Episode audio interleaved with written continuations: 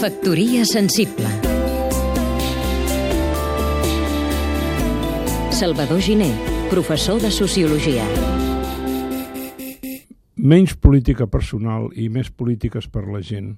Aquest hauria de ser l'objectiu fonamental de la nostra vida pública.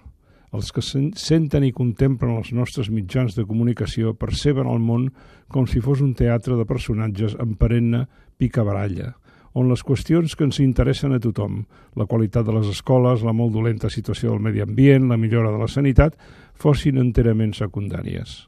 El principal són ells, els noms, els qui, i no el com, ni tampoc el què.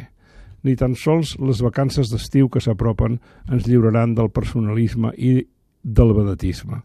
Ja veureu com els diaris dediquen nombroses pàgines a dir-nos com i on passen les vacances el senyor X i la senyora Z, ni tan sols la calor ens lliurarà d'aquesta maledicció mediàtica.